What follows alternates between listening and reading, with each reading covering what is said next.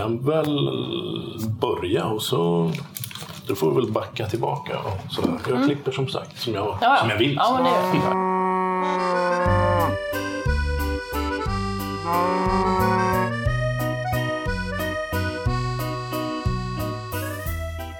Det här är Ostpodden och jag är Johan.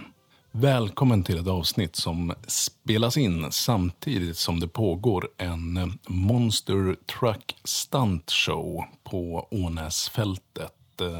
Det fält som ibland brukar kallas fantastiskt. Riktigt varför vet jag inte.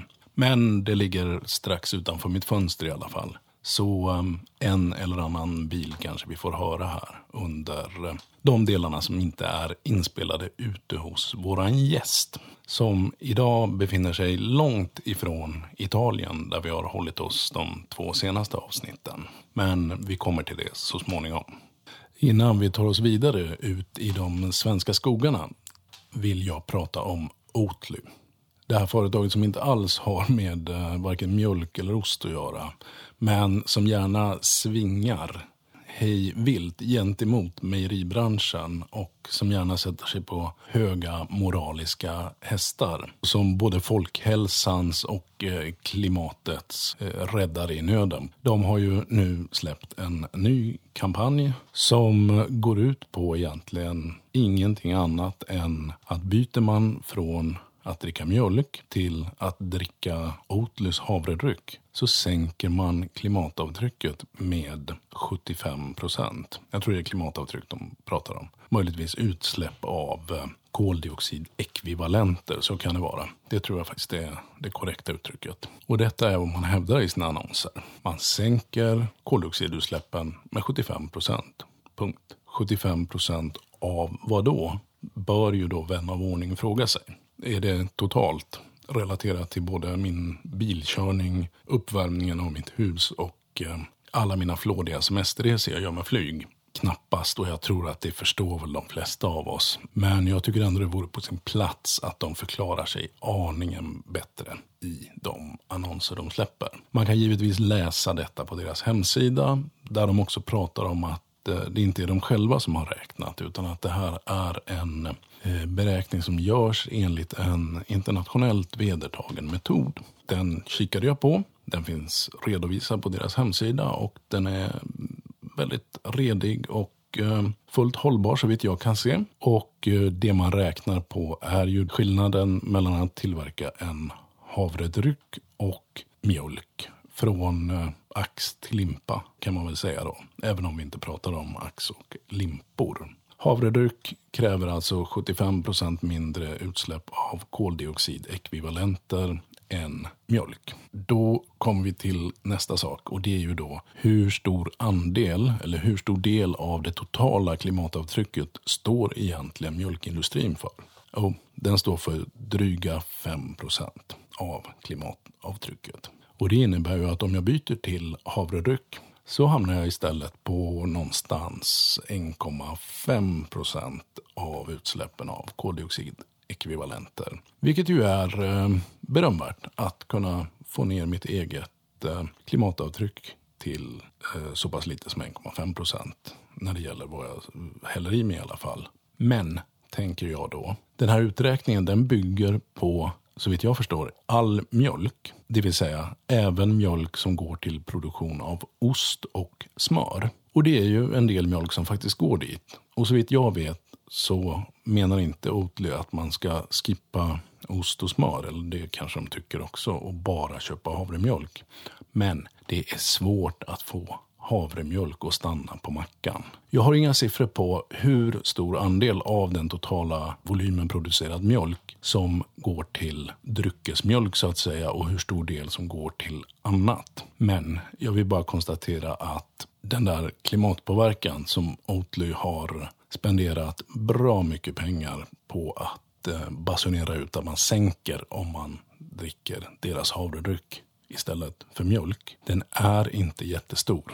Och jag kan ju tillägga också, jag undrar fortfarande, för det framgår inte alls, vad jag i övrigt vinner med att byta till Oatlys havredryck. Smakar den bättre? Har den en skönare konsistens? Eller Finns det något mer? Finns det några produktfördelar med Oatly?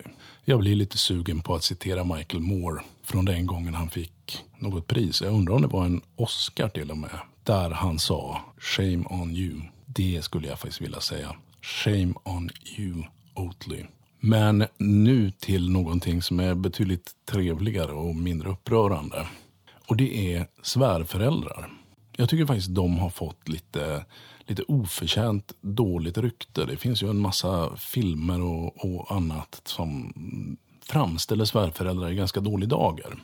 Jag får säga att eh, åtminstone en av mina svärföräldrar är en förutsättning för att eh, dagens avsnitt har kommit till. Och det är så att eh, när vi var uppe i somras hos eh, mina svärföräldrar då, Kenneth och Lillemor, så hade jag också kikat givetvis på om det fanns några mejerister man skulle kunna hälsa på i trakterna av eh, Kristinehamn. Men det fanns inte jättemycket av dem. Så eh, jag la ner den tanken. Då säger min svärmor att hon läst en artikel om ett relativt nystartat mejeri, eller ysteri, som inte alls låg långt därifrån, som faktiskt till och med låg på vägen hem till Göteborg. Så eh, jag läste artikeln om det här ysteriet som heter Ljusåsens gård. Och eh, jag kontaktade Kajsa som är eh, den som chefar där ute på det ysteriet och kollade om jag, det möjligen var så att jag med superkort varsel kunde dyka upp och ta ett eh, snack med dem. Och det gick alldeles utmärkt.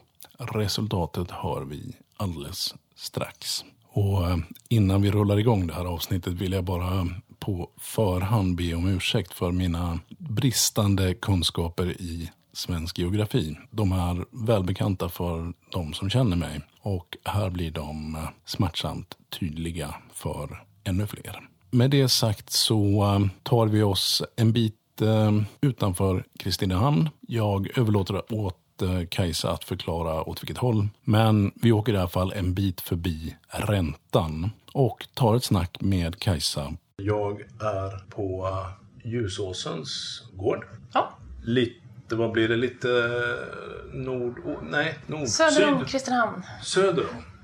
Och lite öster. Eller?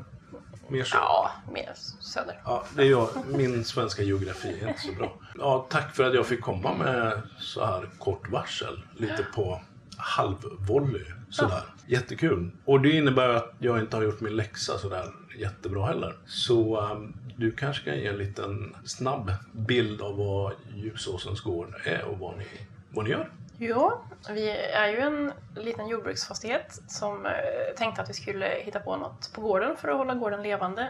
Det var egentligen ursprungstanken. Och därför så vart det väl ett, ett ysteri då som blev grejen. Så vi har ju lite mer saker på gården också men just nu är det väl osten som vi försöker eh, lära oss hur man ska göra på ett bra sätt. Eh, och har hållit på med det ett år ungefär. Så vi är ganska nya i ostbranschen. Ja, jättespännande. Och det är ett, eh, en nybyggd fastighet för ändamålet eller för ystandet? Ja, precis. Vi, vi rev halva laggården och sen så byggde vi upp den helt ny igen. För vi, när vi räknar på det så, så tror vi inte att vi hade kommit billigare undan och renovera den i det skicket den var.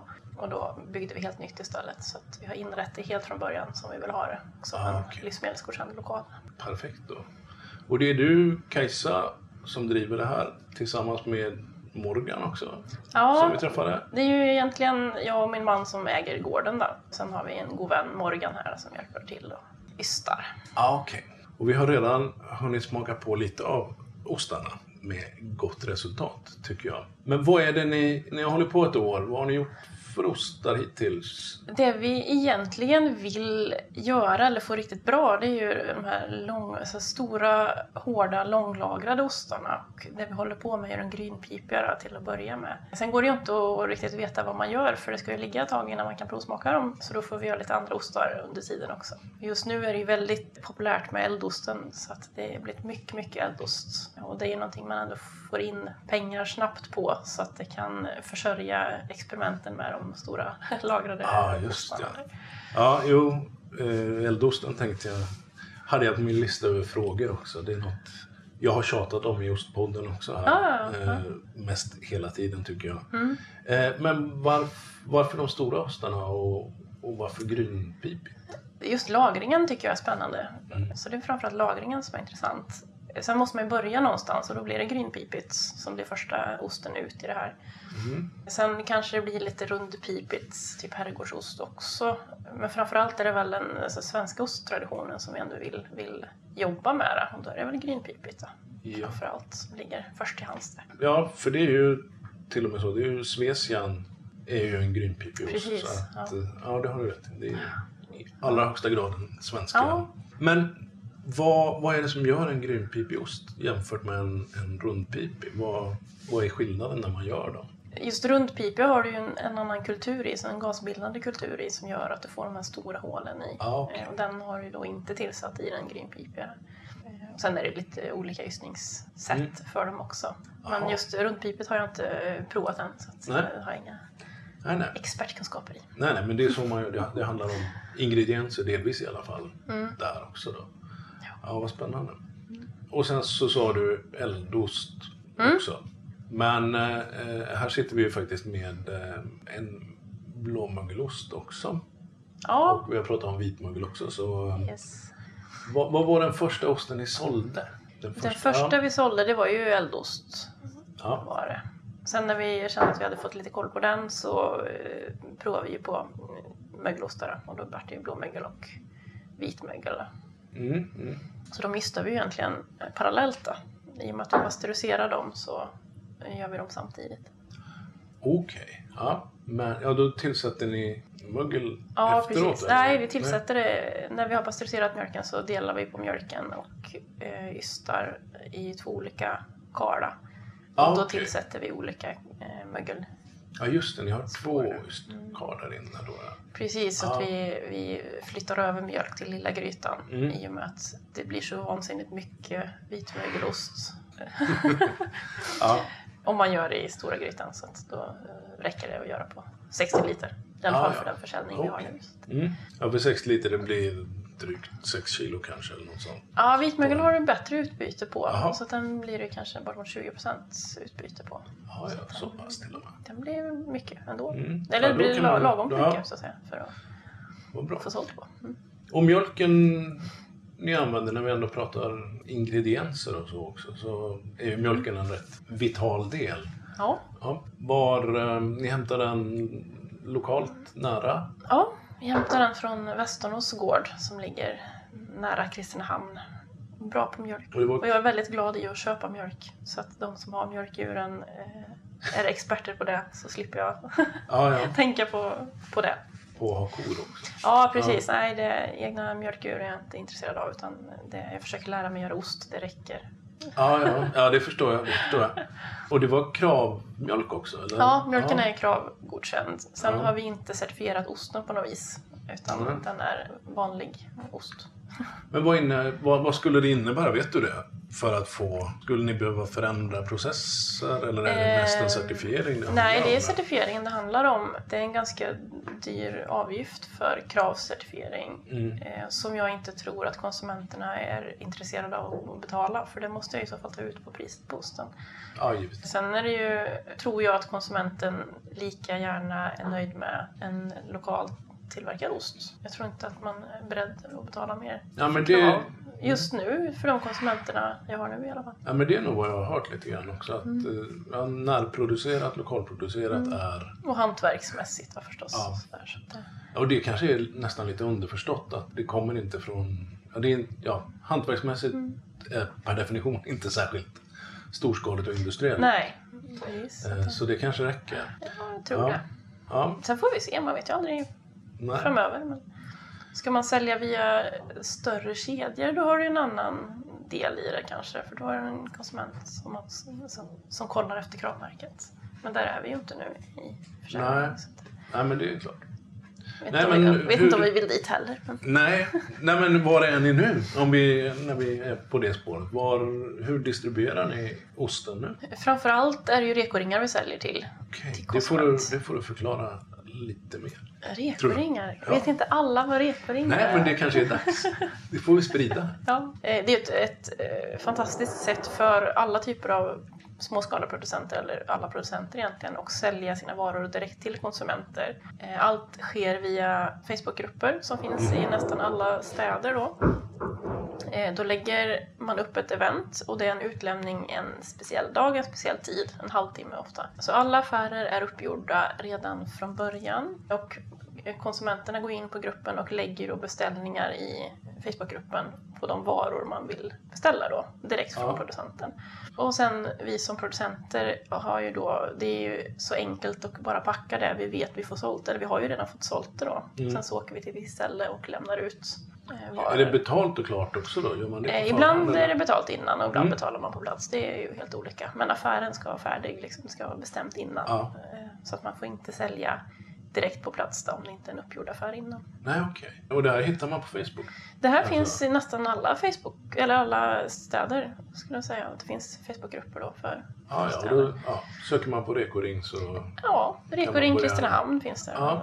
Reko-Ring Karlskoga, Reko-Ring Karlstad. Jag får kolla Rekoring Göteborg och se vad jag hittar Ja. där då. Och då, eh, ofta är det ju väldigt mycket producenter så att som konsument så har man ju ett fantastiskt tillfälle att köpa liksom allting egentligen man behöver ha från lokala producenter. Det, och direkt från, från bonden också. Så att, Ja, för det är ju ett, en tröskel tycker jag när man ska få ta. Man Mm. vet att det finns gårdar som producerar men man kan inte riktigt hålla på och lägga hela helgen på att åka runt och Nej, plocka upp grejer precis. här och där. Och då har man ju de här rekoringarna. Då kommer ju alla producenter som vill vara med och ha något att sälja. Mm. Ja, men vilken... det- Ja, då har jag lärt mig det också idag. Ja, ja, ja, det är Ja. ju... Ja.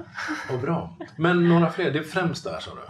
Det är främst där vi säljer. Sen, sen är det ju via gårdsbutiker runt omkring också, eller Mhm. butiker runt omkring som vill ta in våran ost också. Eh, Okej, så det är, finns den i Kristinehamn till exempel? Ja, Ostbjörn i Kristinehamn har den, Ja. Hyngsvilt har den. Sen har vi ju en gårdsbutik jämt över åkern här, Sörgårdens eh, gårdsbutik och slakteri som har den Jaha. också. Och lite runt omkring så. Ja. Men har ni någon egen gårdsbutik här? Eller Nej, någon, nej, ingen nej, försäljning nej, alls? nej. Det kan eh, andra få göra som Mm. tycker om att ha en gårdsbutik. Precis. Nej, men jag tror att man, man, skulle vi ha en gårdsbutik här för bara ost, det är inte lönt att åka hit. Då är det bättre att vi finns på Mm. andra ställen eh, som har en gårdsbutik redan med en, en kundkrets. Att de får fler eh, varor att sälja också, då blir de mer attraktiva också som gårdsbutiker. Mm.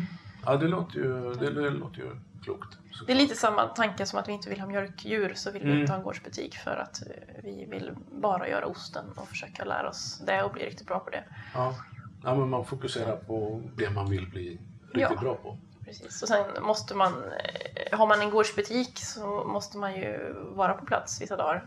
Och den uppbundenheten vill vi inte ha heller. Nej, nej men givetvis. Det är så, så blir det ju då. Eh, vad tänkte jag? Jo, det jag tyckte apropå ostarna som ni gör och så. Det jag tyckte var roligt. Både den, den lilla research jag har hunnit göra som består av en artikel ungefär i tidningen. Kristinehamns-Posten heter den så. Mm. Det är väl ungefär det. Men där, det, det som är lite roligt det var att ni experimenterar ganska mycket känns det som.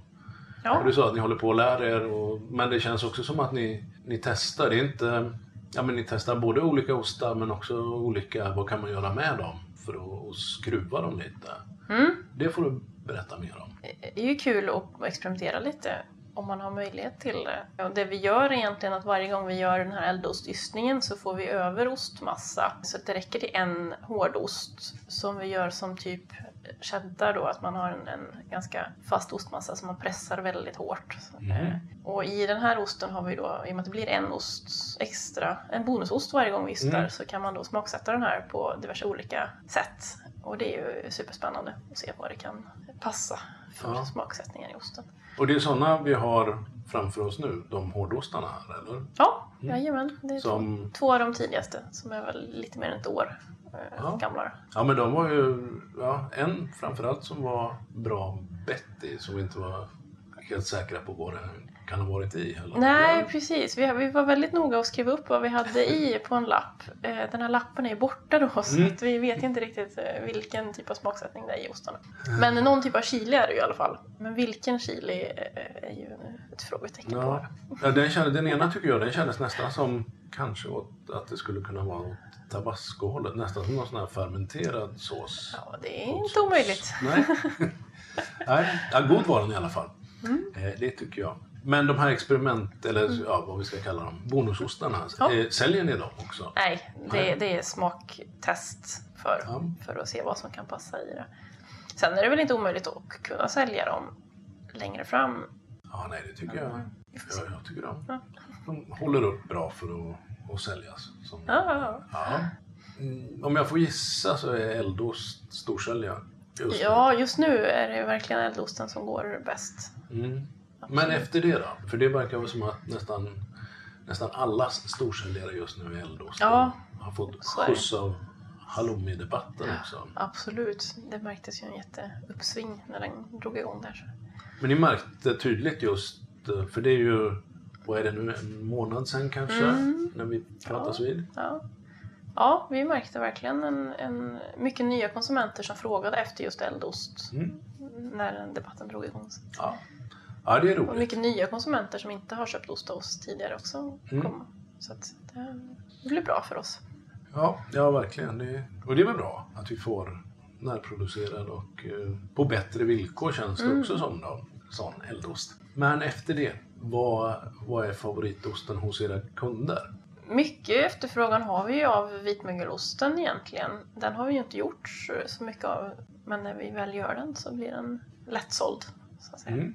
Och vad är det för, är det typ en brie-hållet Ja, eller? ja, Ja. fast lite, lite torrare kan man säga. Den är inte Ja. så, så krämig utan lite mer fastare konsistens. Och hur länge får en sån ost lagra ungefär? Eller mognadslagra innan ni tar ner den på? Ja, jag kan det vara några veckor. Det var, Inte mer än så? Nej. Nej, Nej. den går fort. Sen blåmögelosten är ju, säljer väldigt bra på, på vissa ställen Jaha. Mm. också. Ja, det kanske är en lite mer... Jag pratade om det i, i en, en av mina kortpoddar för inte så länge sedan. Att den är ju lite... Det är väl nästa steg i ostätande kanske, eller i alla fall av dessertostar Mm. med blåmögel. Så. Men, men hur länge då jämfört med en vitmögel? Hur, länge, hur lång produktionstid från göra till äta är det ungefär? Blåmögeln är ju betydligt längre tid. Det är ju, vad kan det vara? Mm, Två månader kanske? Mm. Tre månader? Och så måste jag en av mina favoriter är ju kittost. Mm. Har ni jobbat med det också någonting? Nej, det har vi inte gjort. Vi ska testa Port här nu. Den blir ju lite shit Ja, just ja. stuk på. Fast ändå lite hård Lite hård. ost. Så Absolut. ingen Ingen eh, klassisk shitost inte. Nej. finns någon epoas eller någonting? Nej, som jag- nej. Av någon anledning eller ni har bara inte hunnit med kanske? Nej, jag har nog inte bara kommit dit än. Nej. I, I testa på. Men jag tänker, vad är, vil- vilken ost tycker ni är, är störst utmaning att göra av dem ni har pysslat med? En gemensam nämnare är ju egentligen lagringen som är svårast just nu känner vi. För det, det var ju inte så lätt att bara ta en ost och lägga in den i ett lager och tro att det ligger där och blir bra. Utan den är ju spännande. Ja, du får gärna berätta mer om lag. Jag tycker ju att det är kanske en, en förbisedd del av, av ostmakeri. Ja, Så ja, hur gör ni? Och vi tittade på era, era lager som ju var både, hade både temperering och eh, fuktkontroll. Mm. Det är väl det egentligen att vi tänkte att vi har ju bra förutsättningar för att få till en bra lagring. Sen kanske vi, eller tror väl vi att, att eh, i och med att allt är nybyggt från början så finns det ju ingen kultur att ta hjälp av från början utan det finns mycket annan kultur i, i väggar och i hyllorna då som, som kommer från vår egna skog. Då. Jaha, ja. Eh, Så det finns ju mycket, mycket saker där i som inte hjälper till för att få en bra lagring i början i alla fall. Men på sikt så tror vi att när man får en bra kultur i kylen, så, eller lagren, så, Mm. så underlättar det. Men dit har vi inte riktigt kommit än. Eller vi är på väg ditåt kanske, men Ja, och när du säger kultur så är det, då tänker man mögel och, Ja, och sånt som, det, som sätter Ja. sig. Och då får ni er, er unika egentligen. Ja, det, Profil är- på det era lager precis också. det, är ju det vi vill också. Ja. Då, för vi har, ju, vi har ju en vild yta på alla stora lagrade ostar. Så att vi har ju Mm. inte kontrollerat den på något vis. Nej men hur gör ni? För de såg ju, de ser ju spännande ut. Jobbar ni Mm. mycket med, tvättar ni dem mycket eller? Eh, tvätta gör vi ju ingenting då, utan vi, vi bara borstar ytan. Mm. Eh, när vi lägger in dem i lager så borstar och vänder vi. Hur ofta vänder man en sån Eh, ja, det är olika. Ja. Oftare i början och, och mer sällan på slutet. Ja. När de väl fått en fin yta då Mm. behövs det kanske inte mer än någon gång i veckan att man borstar. Nej. Tycker vi då, men det är Ja. individuellt. I början Ja, men- så måste man ju vara lite noggrannare. Mm. Vända i alla fall. Och de kan, de här hårda ostarna, de kan ju egentligen ligga på, på sin, sin lagringstemperatur hur länge som helst eller? eller eh, där behöver man Eh. inte, vi, om man pratar om de här dessertostarna, om vi kallar dem det, de mjuka Ja. ostarna. De kan ju inte gärna ligga så mycket längre än, än sin tid då. Nej, de här veckorna eller kanske ett par månader. Mm. Men jag tänker, var, var ligger de, de långlagrade? Vad har de för temperatur? Eh, de ligger runt 10 grader. Mm. Sen, eh, sen eh, har vi inte riktigt kommit dit än att de kan ligga hur länge som helst och bli bättre. Utan Nej, nej. nej, det är klart. Det- Någon nej. gång ska vi komma dit också. Ja, äldsta osten är runt ett år då. Ja, det är de. Bonusostarna är ju äldre då. De har ju legat kanske lite Ah, 14, ja, det är 14 de som- Ja. Ja, för de är bland det första som, Ja, det är de som första. Ja, det är, Jajamän. det är ju roligt att ha fått prova på dem. Ja, Mm. Men jag, jag tänker också, alltså, att bestämma sig för att göra det här. Det är ju inget litet steg. Det är ju en, en förändring i liv och en, en investering också, antar jag. Hur, absolut. Ja. hur kommer man till den punkten och vad, vad får en att, att göra det? Det är väl när jag och min man tog över den här, min föräldragård, Ja. eh, så är ju gården lite för liten för en, en typisk eh, växtodlingsproduktion. Eh, Det krävs ganska mycket arealer för att räkna hem en, den typen av produktion om man inte nischar sig väldigt mycket. Samtidigt är gården lite för stor för att inte göra någonting på. Mhm. Och då, då kände vi att någonting vill vi ju göra på gården eller för gården. Så att säga. Och då, livsmedelsförädling har ju alltid varit intressant. Eh, och jag kände väl att men, någonting inom livsmedelsförädling är ju, det är ju kul. Det vill vi liksom testa på. Och så. Ja, okej. Mm. Och då eh, vart väl funderingen lite vad, vad ska vi göra då i typ av livsmedelsförädling? Mm. Vi var lite inne på chark först men då har du ju det här med eh, du måste ju få sålt sakerna ganska snabbt så att Ja, säga. precis. Ja. Och då tänkte vi så här, men ost blir ju bara bättre ju längre det Mm, ligger då. mm. Sen är det kanske inte så, men det var så vi tänkte i Mm. alla fall. Och eh, kände väl att eh, ja, men då, ost, då blir det väl bra. Ysteri blir ju fint då. Mm.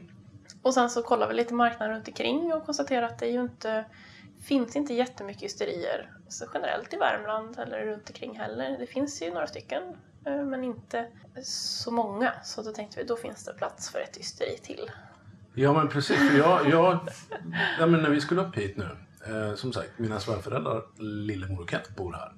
Och då kikade jag runt för att se om man inte kunde åka förbi och, och hälsa på någon och prata med någon och, och få kika lite, göra ett studiebesök. Ja, Men det fanns ju, det finns längre norrut finns det någon, ganska långt norrut tror jag. Vi har ju Lillängen i Sunne som är väldigt eh, bra på eh, Ja, getmjölk. just så de är ju stora Mm. inom getmjölk. Så finns Lakne har vi också. Mm. De gör ju väldigt fin eh, ost med bockhornsklöver i. Ja, okej. Ja, det där med bockhornsklöver, det måste jag, det har jag läst om. Men jag Ja. vet inte att jag har provat någon gång. Nej, det får jag ta och... Finnskogens ost finns ju också. De är också i Mhm. Värmland någonstans. Ja, för det var, jag kikade i både, både Eldrimner-appen och Mm. Sveriges Gårdsmejeristers karta där. Ja. Ja. Men jag hittade inget egentligen. Men Nej, sen så okej. var det svärmor som hade läst om er. Så Ja, ja, ja, att, ja. ja men jättekul. Och vad, så ost kom egentligen ur att ni ville göra någonting. Ja, Och sen, precis. men ostintresset innan det då, hur har det varit? Ja, det var ju rätt svalt så. Jag har ju varit tvärtom. Jag har ju, det har ju, mitt ostintresse har ju skenat fram till den punkten att jag ville börja göra ost Ja, ja, ja. Vad tycker du att vi, har vi täckt in det mesta? Är det något mer? Nej, jag tror att det är det. Jo, jag kom på, jag har en till som är, eh, jag känner är, eh, tycker jag är jätteintressant i alla fall. Och det är, vad har varit de stora utmaningarna med att komma igång? Kanske utöver att ja, men osten, det, det är en, en läroprocess och en experimentverksamhet kanske, eller produktutveckling kan vi kalla det. Ja. Men utöver det att få fart på produktionen. Det, det är väl egentligen så mycket man måste kunna. Eh, Det är inte bara så att man ska lära sig att göra, göra ost utan det, det är så mycket annat runt omkring. Vi som byggde från början, då var det ju först en, eh, ett bygglov och få, få tillstånd att Ja, bygga just ett ysteri då från, eh, från myndighetsnämnden, eller myndigheten i Kristinehamn. Och sen så fick man det, då ska vi ha en avloppsanläggning för vattnet ut och det är en process för att få tillstånd för en avloppsanläggning för ysterivattnet. Och sen har vi ju vattnet in, i och med att vi inte har kommunalt vatten, då är det en process att få godkänna vattenhanteringen och mycket kostnader, mycket analyser på det då, förstås. Tar ni löpande, måste ni ta löpande prover på det också? Då? Jajamän. Och sen har vi ju, eh, ska man då marknadsföra och sälja osten, det, det är inte bara det, inte det tar jättemycket tid och, och kunna det. Sen har vi då hela Livsmedelsverket, så godkännande av lokalen, det är ju en process i sig att få tillstånd att göra osten. Då. Så det, det är mycket steg man måste göra innan man ens får börja och prova att göra ost, så att säga. Ja. Och sen har man hela bokföringsbiten och skattemässigt sen som man ska ha koll på också för att ha koll på ekonomin. Så att det är ju det är, en, det är så mycket saker runt omkring som tar tid från osttillverkningen så att Ja, säga. jo men det var det. Det är det jag misstänker också. Att eh, det, det är inget som bara händer. Nej, en sån här grej som att man måste vara registrerad mjölkköpare. Mm. Det hade inte jag en aning om. Nej, Men bara för komjölk också, vad jag förstår. ja. Ja, just ja. Ni har, ni har bara jobbat med komjölk. ja, det har vi.